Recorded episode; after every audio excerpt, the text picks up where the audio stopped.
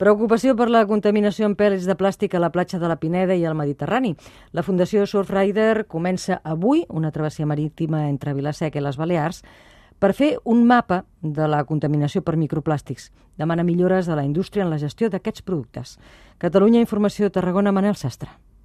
Els pèl·lets són unes boletes de plàstic minúscules que es fabriquen al polígon químic i que acaben a les platges per abocaments incontrolats en vaixells, però també en el transport i la manipulació a les indústries. La platja de la Pineda és la més contaminada de tot l'estat i segurament també d'Europa per aquests pèl·lets, segons explicava avui Jordi Oliva, un dels investigadors associats a Surfrider. La platja de la Pineda té la major concentració de microplàstics primaris de tot Espanya. Considerem que el problema aquí és suficientment alarmant i les imatges parlen per si soles, ja que en altres punts d'Europa, de, degut als règims eh, pluviomètrics, les acumulacions són d'un caire diferent i és un dels casos d'estudi eh, més importants d'Europa. Se'n sap la procedència, però no es pot determinar la responsabilitat de l'abocament. Avui, Surfrider Foundation, una ONG que treballa per conscienciar dels greus efectes sobre el medi ambient que tenen aquests abocaments, salpa en un valer des de Vilaseca per navegar cap a Mallorca i Menorca i confirmar que els pèl·lets que arriben a les Balears venen de Tarragona. Es algo que estamos trabajando en nuestro estudio desde hace dos años para poder comparar los peces que llegan a, a, Menorca con los que salen de aquí. Esto lo complementamos a través de, de dos tecnologías para comparar el tipo de polímero que llega allá